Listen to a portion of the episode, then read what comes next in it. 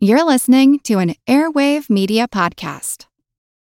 Lucky Land Casino asking people what's the weirdest place you've gotten lucky? Lucky? In line at the deli, I guess? Aha, in my dentist's office. More than once, actually. Do I have to say? Yes, you do. In the car before my kids' PTA meeting. Really? Yes. Excuse me, what's the weirdest place you've gotten lucky? I never win and tell. Well, there you have it. You can get lucky anywhere playing at LuckyLandSlots.com. Play for free right now. Are you feeling lucky? No purchase necessary. Void where prohibited by law. 18 plus. Terms and conditions apply. See website for details. We all know how important it is to keep your eye on the money, and not just your own. Stay on top of the latest financial and market news with Yahoo Finance, a podcast that releases new episodes almost every day. You'll hear a brief overview of the biggest news in the financial world, all in three minutes or less, right after markets close. Check out Yahoo Finance wherever you get your podcasts. That's Yahoo Finance wherever you get your podcasts. You're listening to an Airwave Media Podcast.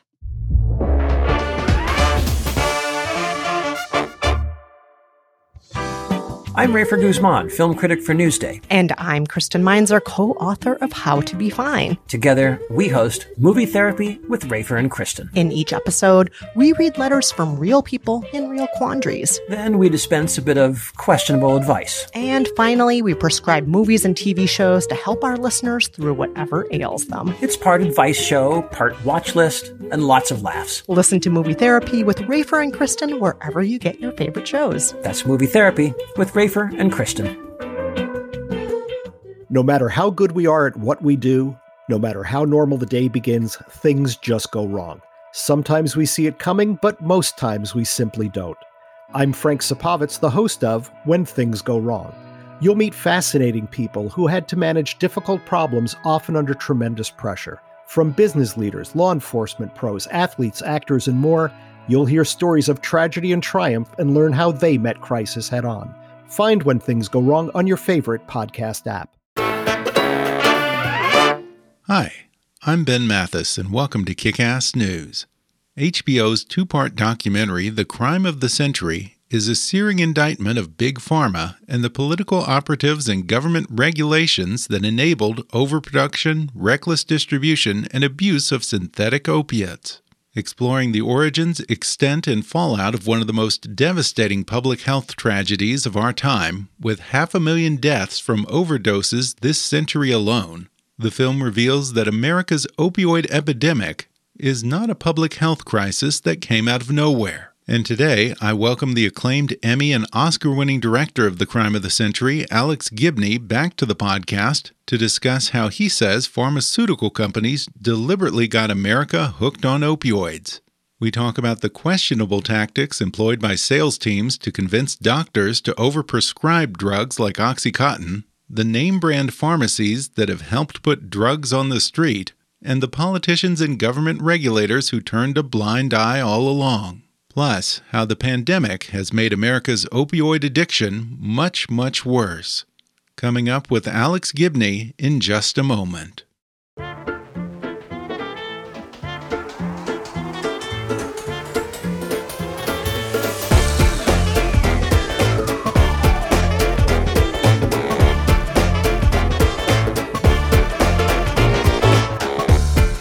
HBO's The Crime of the Century is a two part documentary directed by Emmy and Academy Award winner Alex Gibney.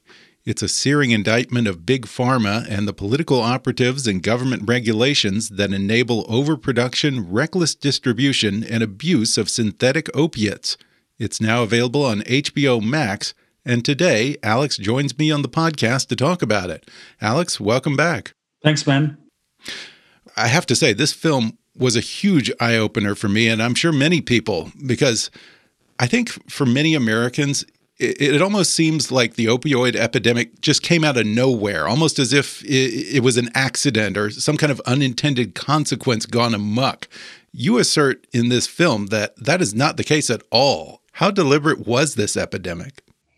I mean, I think it was manufactured. And when I say that, I don't mean that companies went out and tried to create overdoses. But I think that a number of companies, uh, government officials, doctors, pharmacies, all conspired in what to my mind, is a crime because they put profits over people.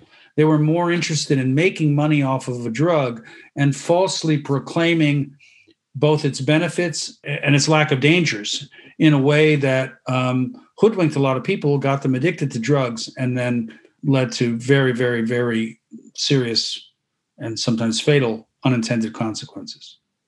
And you did title this documentary The Crime of the Century. That's a pretty bold proclamation. Could you think of anything over the past 20 years that comes close to this? Not really. I mean, I, I, suppose you could say COVID, but COVID, you know, however, and I made a film about the failure of the federal response to COVID. That said, you, you can properly say that COVID was a pandemic.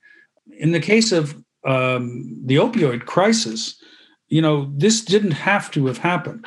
And that's why, with the body count being as high as it is 500,000 dead from opioid overdoses that I have to think of it as the kind of the crime of the century. And it, and and honestly, it goes beyond the overdoses. It it goes to the number of people addicted. It, it, it goes to the enormous cost of, um, of trillions of dollars, literally, of law enforcement, uh, healthcare, uh, emergency care, addiction treatment, so forth and so on. Terrible, terrible cost. And since you mentioned your other film, Totally Under Control, which was about the COVID 19 epidemic, I'm curious do you see any similarities between how America handled both of these crises, the opioid crisis and the pandemic? Yes. In both cases, we put notions of supply and demand, profit share, profit ahead of the essential elements of the Hippocratic Oath instead of focusing on what's best for the patient, we thought that if we just think about what's best for the profit of, of big corporations, everything will work out fine. Well, it turns out it doesn't work out fine. It works out sometimes just the opposite. It's this unholy alliance of healthcare and 21st century turbocharged capitalism that I think is so dangerous. Mm -hmm. And to get to the origin story of this opioid epidemic, it really begins with the Sackler family and this company that they founded, Purdue Pharmaceuticals. Tell us a little bit about the Sacklers and how they got into this business. Well, they got into it originally, I suppose, through uh, a gentleman named Arthur Sackler. Now, Arthur Sackler didn't have anything to do with OxyContin. But Arthur Sackler was a doctor who had been at Creedmoor Psychiatric Institute and had seen sort of the brutality of how mental illness was sometimes treated with things like lobotomies and electroshock therapy and became determined to seek out ways in which chemicals or pharmaceuticals could be used to treat the same ailments.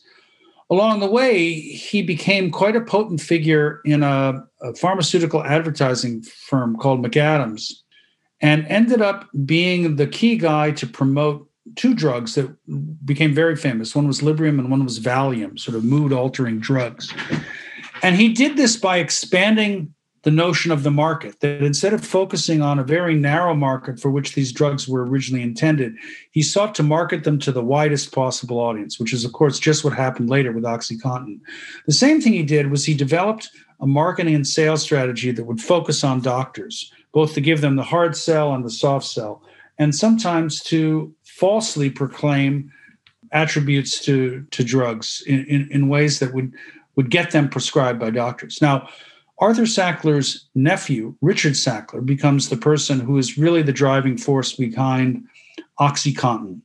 Purdue Pharma in the 90s um, had a drug called MS Contin, which is a morphine based time release drug and it was uh, effective for uh, end of life cancer pain principally um, because that's a time in one's life in which you don't really have to worry about addiction sadly. As the patent for ms contin was running out they devised a new drug called oxycontin which is oxycodone another opioid uh, twice as powerful as morphine but also with this contin system this time release system. So the idea is you take it and then over the course of 12 hours it slowly releases so you don't get those highs and lows that would be so um, difficult for you know somebody who's abusing drugs like opioids But they made a number of claims about OxyContin that just were, were false. One was that it couldn't be abused. And, and, and frankly, it was very easy to abuse it, as they themselves proved. They had done their own studies that showed if you crush it and then either snort it or mix it with water and extract the contents with a hypodermic needle and then in, inject the same into your body, you can get uh, very high, very fast, very quickly uh, in ways that sometimes can be very dangerous. Now, this may be a dumb question, Alex, but what is the difference between opioids and heroin? Is there one? No, heroin is an opioid. So, oxycodone, morphine, heroin, they all come from the opium poppy. Um, they're just different mixtures. Interesting. When you look at these big pharma companies, is there much difference between a Mexican drug cartel and these big corporate opioid pushers? Well, there's one big difference. One operates in a legal context and one operates in an illegal context. That said, one of the things we discovered, and, and it was also discovered by Patrick Keefe, who's just written this wonderful book about the Sacklers called Empire of Pain, was that in many cases they have the same kind of business model. The idea is really to promote the drug to people so that they will use it and then slowly titrate up to keep increasing the doses. So the drug dealers will sell more and more. Very often they both hand out free samples in order to get people hooked and and their mechanisms of supply and demand are also very similar. So when you look at the business model of the cartels without examining you know the fact that they're illegal and they often kill people but just the business model the economic model of what they're doing it's not very dissimilar from what purdue pharma or some of these other pharmaceutical firms would do. And in the documentary you say that purdue pushed doctors to expand the definition of pain i'm curious how did they do that well remember that OxyContin was originally recommended for so called breakthrough pain, that is to say, really excruciating pain, particularly at the end of life for cancer patients, right? So when you expand the definition of pain, the whole idea is to say, well, pain is pain. Let's not distinguish between them and let's let's run a scale and, and and maybe these drugs could be very useful. They don't have to be for breakthrough pain. How about chronic pain? Let's say you have a knee injury. You're 18 years old. You have a sports injury and it's painful and, and it's likely to be painful over a couple of weeks. How about some oxycontin? So the idea is to expand the notion of pain um, beyond what the drug was intended for, which you know in its limited use was was a good drug. The other thing was this all happens at a time when there is a, a way of thought um, that has emerged, which was that we've been under treating pain, that pain itself is a kind of fifth vital sign, that we have to be very attentive to it. And so, into that kind of notion comes a robust sales plan, you know, orchestrated by Purdue Pharma related to OxyContin. It's like we're under treating pain. We've got just the pill for you, the one to start with and the one to stay with. And it's funny because you know, pain is not necessarily a bad thing. You know, it's your body's natural way of telling you when something's wrong. We sort of ignore those signals at our peril, don't we? Right. Sometimes, um, I mean, in the past, there was a period of time when, when actually uh, doctors thought pain was a good thing in the sense that it showed that the body was attuned to invasiveness, as you say, and also that it would result in healing mechanisms. Uh, but but then there was a, a change of thinking in that. Yeah. And I want to ask you about one of the doctors who very aggressively tried to expand that definition of pain and a patient who actually died as a result of that. I'm, of course, talking about Carol Bosley and her doctor, Lynn Webster. Can you tell that story? Sure. So Lynn Webster was very much one of those people who was preaching the gospel of pain management, which is to say, we're under treating pain, and people have sometimes excruciating pain, which is so bad that it can actually lead them to suicide. And unless we figure out a way to treat that pain and treat that pain over the long term, you know, we're making a terrible, terrible, terrible mistake. Lynn Webster, you know, directly or indirectly, also was on the receiving end of a lot of uh, speaking payments by some of these big pharmaceutical companies who were very much pushing this idea. So you can kind of get this sense of how financial incentives, either consciously or unconsciously, began to intrude into a sort of pure um, doctor patient relationship. Now, Lynn Webster had a clinic in Salt Lake City called the Life Tree Clinic, which was a pain clinic, and people would go there if they had what they perceived to be chronic pain. And he, one of his patients was a woman named Carol Bosley. His her husband, Carol, had had a terrible car accident and was in a lot of pain. She went to Lynn Webster's Life Tree Pain Clinic and was given some pretty potent opioids by Dr. Webster, as well as some other other medicines which in combination were dangerous.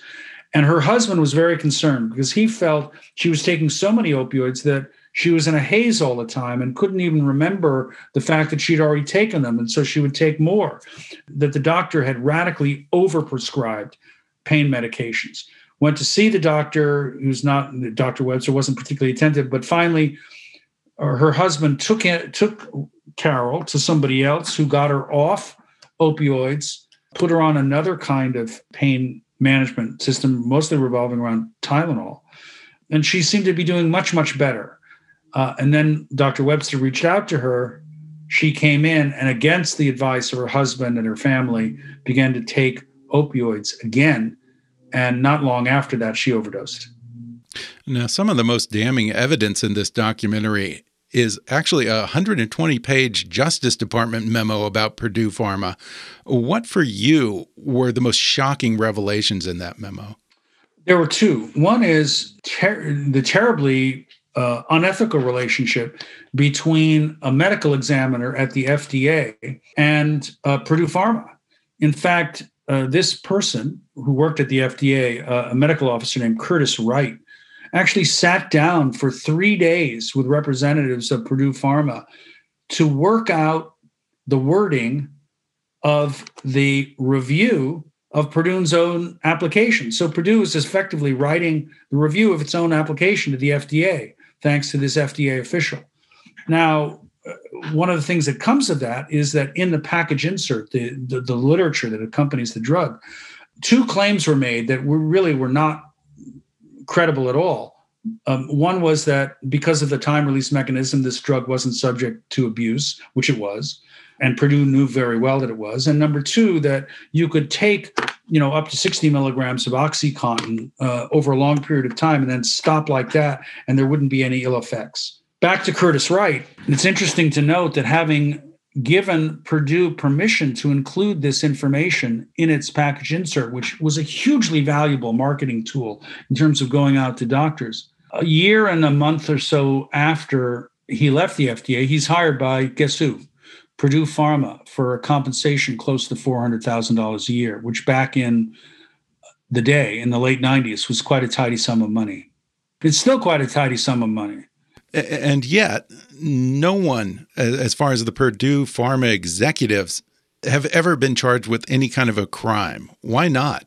It's not to say they haven't been charged. What happened was uh, there was a federal investigation into fraud charges. In other words, uh, a number of um, U.S. attorneys cons- from Western Virginia who were concerned about the scarily rising rates of opioid overdoses, began to investigate Purdue Pharma to see if Purdue was falsely marketing its drug, proclaiming its safety and efficacy in ways that uh, were unreasonable.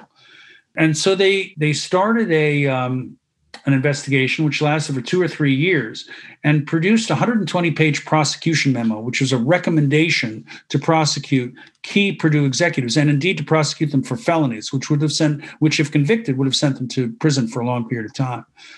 This goes up to the top levels of the Department of Justice. All along the way, the career prosecutors are saying this is such a powerful and potent piece of evidence. We really must go to trial on this. But at the very tippy top of the justice, not at the level of the attorney general, but just below, a decision is made and nobody will take responsibility for that decision even today and look very hard to try to ascertain is one of two people in any event they make a decision to cut a deal with purdue and they allow the Purdue executives to plead guilty to a misdemeanor, which means they uh, don't do a day in prison.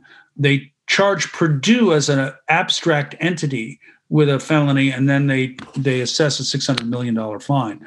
But the most important thing about that is not only do no executives go to jail to send a powerful message, but in addition, all of the most potent evidence relating to Purdue's alleged crimes are now buried. That was part of the deal. So the public at large doesn't see these pernicious sales practices that Purdue is engaging in, which are causing people to become wildly addicted to OxyContin and and and also resulting in widespread abuse. And one of these people who got off was actually the chairman and CEO, Richard Sackler. But you actually uncovered a video from a deposition with him. How would you describe him in that video? Does he seem remorseful? I would say he's the opposite of remorseful and shows no regrets whatsoever.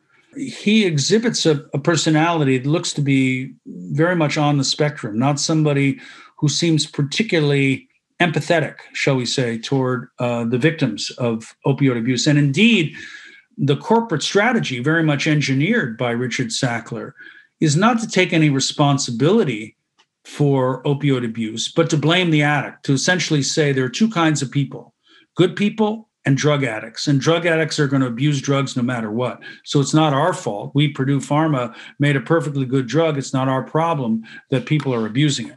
But the fact is, you know, Purdue back in the 90s did their own study called the spoon and shoot study. And what they did was they thought, well, we've got this time release mechanism that's supposed to keep it from being abused, this drug. But what if you just crush the drug and snorted it? Or what if you crushed it and then mixed it with water and put it in a hypodermic needle and injected it? What would happen then? Well, what they discovered was you know, because it was oxycodone, a very potent narcotic, and because it was now undiluted or or or now could be you know ingested directly, was hugely potent and powerful, and became, and this was a phrase that was used inside the Purdue company by a number of uh, people we talked to, became something known as hillbilly heroin to the people at Purdue they knew very well that they had an abuse problem with with this drug on on their hands but they purposely didn't do anything about it and when it was brought to their attention they claimed it was the first time they had ever heard about the potential for abuse uh, so, if Purdue and Oxy are sort of the original sins of the opioid epidemic, things really get infinitely worse with the drugs that followed. How did we go from bad to worse? Well, in part, the answer to that is an economic answer. Purdue wanted to increase its supply of drugs so it could make more money. To increase the supply, you need to create a demand. And that's the expansion of pain, right? So now you have this greater demand for Oxycontin by doctors who are convinced that we're under treating pain. And along the way, uh, individuals are starting to get addicted to Oxycontin. Sometimes they also abuse Oxycontin. In both cases, the addiction leads to a, a, an economic problem. Perhaps I can't afford it anymore. Perhaps my doctor won't won't prescribe ever growing uh, doses. Um, so in that case, what do I do? Well, many people turn to heroin because it was cheaper. And when heroin proved too expensive, they turned to fentanyl. And fentanyl uh, is a synthetic opioid which is 50 times more potent than heroin and can be extremely dangerous if you don't properly dose it. It can lead to very rapid overdoses. DEA people we talked to said that they would often come across DOAs where people would still have the uh, fentanyl pipe in their hands because it killed them so quickly. That's the problem. It, it, it's a problem of supply and demand where the, the pharmaceutical companies were very good at getting people on drugs, but not so very good at getting them off drugs. We're going to take a quick break and then we'll be back with more when we return in just a minute.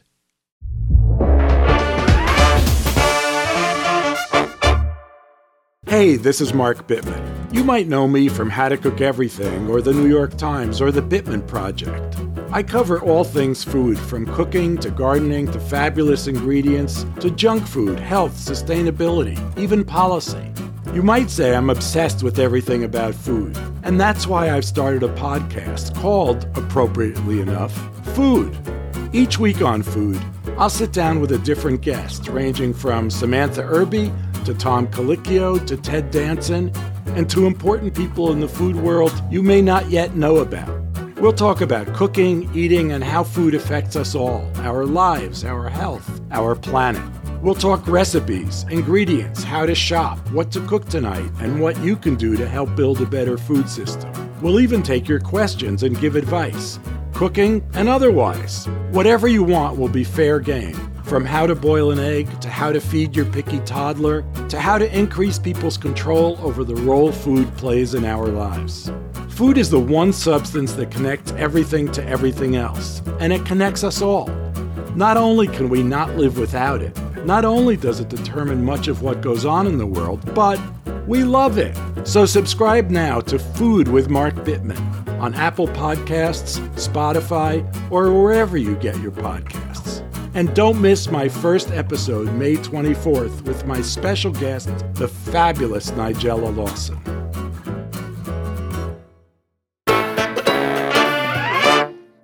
And one of the most colorful people that you spoke with in sort of the post Purdue era here was Alec Berkaloff. Alec Burlakoff. And he's sort of this fast talking former VP of sales at a company called Insys Therapeutics. He's the very definition of a slick salesman. He's like something out of a David Mamet play. How did you get him to talk?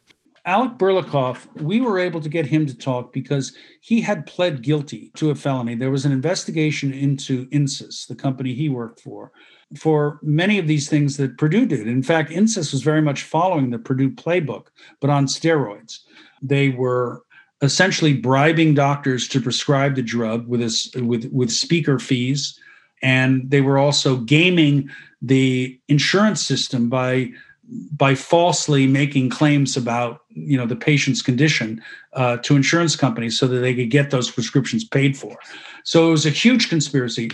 To Alec Burlakoff, he was a vice president of sales for Insys, and he pled guilty as part of this investigation. And we reached out to him, and he agreed to talk. And one of the great things about Alec was he was very candid about the way he used to sell the drug, and he could embody that salesperson and that perspective and and the enthusiasm with which he went about his work even though it was terribly dangerous and probably caused a lot of people their lives. You know he used to identify he had a color coding system for doctors reds blues greens and yellows. The reds were the businessmen. The other ones he didn't want to deal with because it would be too difficult to sell them but the businessmen had what alec called a, a slogan called whiff 'em. What's in it for me and it was basically like, okay, sure, I might consider prescribing your drug. How much are you going to pay me in speaker fees?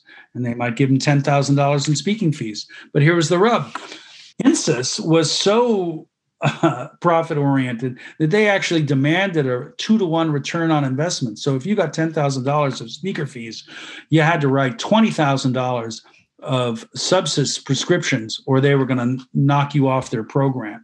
So that's the very definition of a bribe. They were bribing doctors to prescribe massive amounts of synthetic opioids to people who didn't necessarily need them. It was terrifying. But Alec Burlakoff was the face of that. And the other face of it was a, a video that Insys had produced um, as part of their titration campaign, where you have this rap, you know, kind of set to an ASAP Rocky song, which basically, with these two guys outlining the criminal scream that that they were engaged in.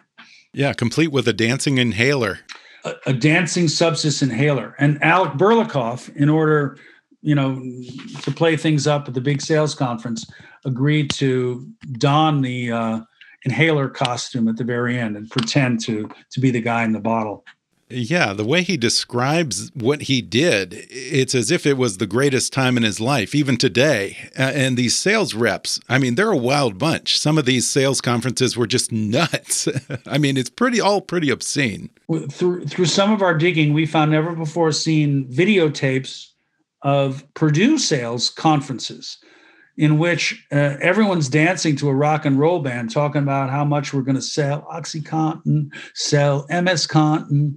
There's not a lot of lyrics related to the benefit for the patient. It all has to do with bonuses and profit margins and sales figures. And indeed, I believe a year after that sales conference video, they topped Viagra as the top selling drug. Wow. but the problem is not just the drug companies and the doctors. Pharmacies play a role as well. In fact, you exposed several pharmacies in Florida, including some name brands like CVS, whose opioid sales just suddenly exploded from one year to the next unexplainably. How did that not raise any red flags? Well, it didn't raise any red flags because nobody wanted the red flags to be raised. Because if you raise the red flags, then you you're cutting back on your profits. I mean, there was as part of a, a DEA investigation, they went to one CVS pharmacy um, where patients would line up around the block starting around four or five in the morning for their prescriptions of OxyContin. And, and an undercover agent spoke to uh, one of the um, uh, reps at the pharmacy who said, "Oh, don't worry. You know, we cut off sales to all those people around two or three o'clock." And they said, "Why do you do that?" And he said, "Well, we have to save some of the drug for our real pain patients." I.e., they knew very well that they were selling to people who were abusing the drug, not people who really needed it for medical care. Now, and this is true in spades for the largest um, pharmaceutical distributors. There's three globe girdling companies Cardinal Health, Amerisource Bergen, and oh gosh, I can't even remember the third company right now. And these companies, the, we learned through the investigative team at the Washington Post, with, with whom we worked very closely on this film, um, they obtained access to a so called ARCOS database, which showed that these pharmaceutical distributors knew where every pill was going, down to every pharmacy and every small town in America. So if you have a town of 2,000 people and they're getting a million pills, you probably have a pretty good idea that those pills aren't there for back pain. You have, they're being diverted. They're being diverted uh, for, let's say, a non medicinal use. And I want to talk a little about this supply chain because all of this has led to an explosion of opioids on the streets.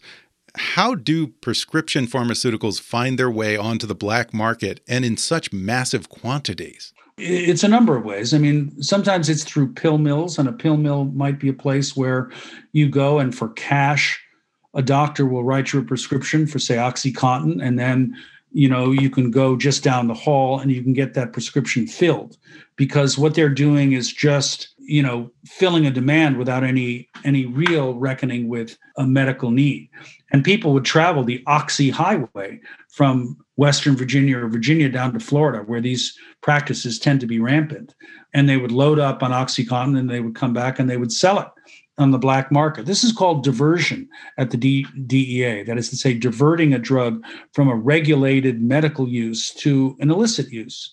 And this was happening um, a lot. And in order for it to happen, it takes a number of bad actors working in concert. Yeah, I have to ask are the drug companies knowingly allowing or facilitating prescription pharmaceuticals onto the illegal market? You know, if you're just looking at this from a dollars and cents perspective, I mean, they're still getting paid one way or another, regardless of the end user or how they buy this stuff. I think you have to look at it as willful denial.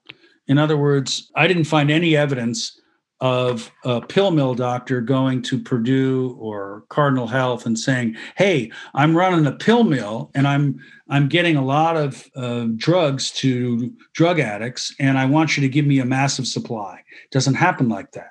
So you know the pharma the the distributor will say well look we just got an order from the pharmacy how are we supposed to know and the pharmacy says well we just got a prescription how are we supposed to know and the fact is there are checks and balances built into the system where you are supposed to know. If suddenly you have a level of prescriptions in a in a particular area go wildly up well that's a sign. And you can and you're supposed to notify the DEA that that there might be a problem and then the DEA investigates. But what would happen is pharmacies wouldn't notify the DEA distributors wouldn't notify the DEA manufacturers wouldn't notify the DEA why?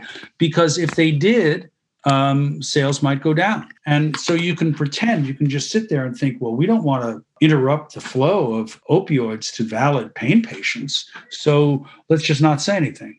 But what of the government's role in all this? I mean, Donald Trump, he made a big show of appointing his opioid czar, Chris Christie, and he was going to be the president who really tackled the crisis because these were his people. You know, these were populations mostly affected by opioids who were white, lower class, rural Americans, MAGA country.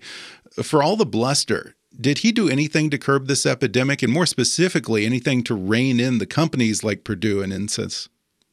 I think when we're talking about government failure, and government failure here is massive, we spoke about the failure at, at the tippy top of the Justice Department to hold Purdue to account when they had an opportunity to do so. And I think, uh, and, and you mentioned Donald Trump. It is true that Donald Trump appointed his drug czar somebody who was responsible for undermining the DEA in terms of going after these places. But but I think you'd also have to be honest and say the Obama administration also failed us as well. There was a, a bill in Congress that was sponsored by and very much promoted by the pharmaceutical industry, particularly the opioid manufacturers and distributors, that was meant to cripple the DEA's ability to use enforcement mechanisms to really crack down on diversion. That bill sailed through Congress and actually passed by unanimous consent. And it was likely written by the pharmaceutical industry. But it was presented in such a way by somebody who had been a former DEA official who now is part of the revolving doors working for Big Pharma, so that everybody lets it go. And they let it go because they don't think it's particularly important and and and also because they're all getting massive contributions from the pharmaceutical companies themselves. So government fails us because they're not willing to hold to account pharmaceutical companies who just happen to be massively filling their campaign coffers. And they don't have time to read the bills properly because they're spending all their days raising money instead of doing what they should be doing, which is governing. Yeah, absolutely. What we were just talking about how disproportionately affects Trump voters, you know, for lack of a better word, uh, rural white working class areas like West Virginia, Kentucky, Maine, they've been particularly hard hit by the opioid crisis. And I don't actually know why. Maybe you can help me with this. Uh, can you explain why it's hit those places so hard? I mean, these drugs are not cheap as opposed to New York or LA. It's a complicated answer. Some of it has to do with mechanisms inside certain states which make diversion and abuse a little bit more difficult. So, states that are a little bit more highly regulated have complicated sets of restrictions that, that make diversion harder. So, in states like West Virginia or Maine or West Virginia, you know, uh, it, it's easier to divert. The other part of this is that, you know, sometimes states with uh, extremely high rates of unemployment uh, facing an uncertain future are more prone to uh, abusing opioids than other places might be. But I'm not speaking to that. I, am I'm, I'm suggesting that as, as something anecdotal that I suspect is happening rather than something for which I have hardcore evidence. To wrap it up here, I just want to bring it to the present. Has the opioid addiction gotten worse during the pandemic? I would assume so. Yes, it has. And fentanyl is particularly a problem. Now, pharmaceutical companies will say, you know, they'll say, well, what do we have to do with fentanyl? But this goes back to what I'm talking about, or what I was talking about earlier, which is these companies created a demand for opioids that now must be sated through the illicit trafficking of fentanyl. Well, once again, it, it was very eye opening, and I really encourage people to see this documentary. Once again, Alex Gibney's two part documentary, The Crime of the Century, is now available on HBO Max. Alex, thanks for talking with me. Thanks so much, Ben. Great pleasure. Thanks again to Alex Gibney for coming on the show. His two part documentary, The Crime of the Century, is now available on HBO Max. And you can follow Alex on Twitter at Alex Gibney Film.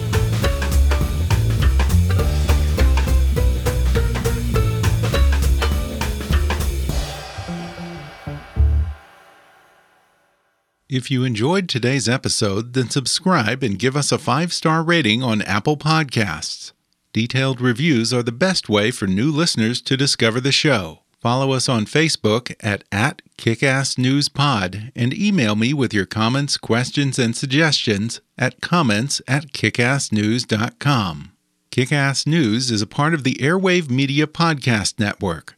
Visit airwavemedia.com and check out some of our other shows like Food with Mark Bittman, Movie Therapy, Investing for Beginners, My History Can Beat Up Your Politics, and many others. For now, though, I'm Ben Mathis, and thanks for listening to Kick Ass News. An Airwave Media Podcast.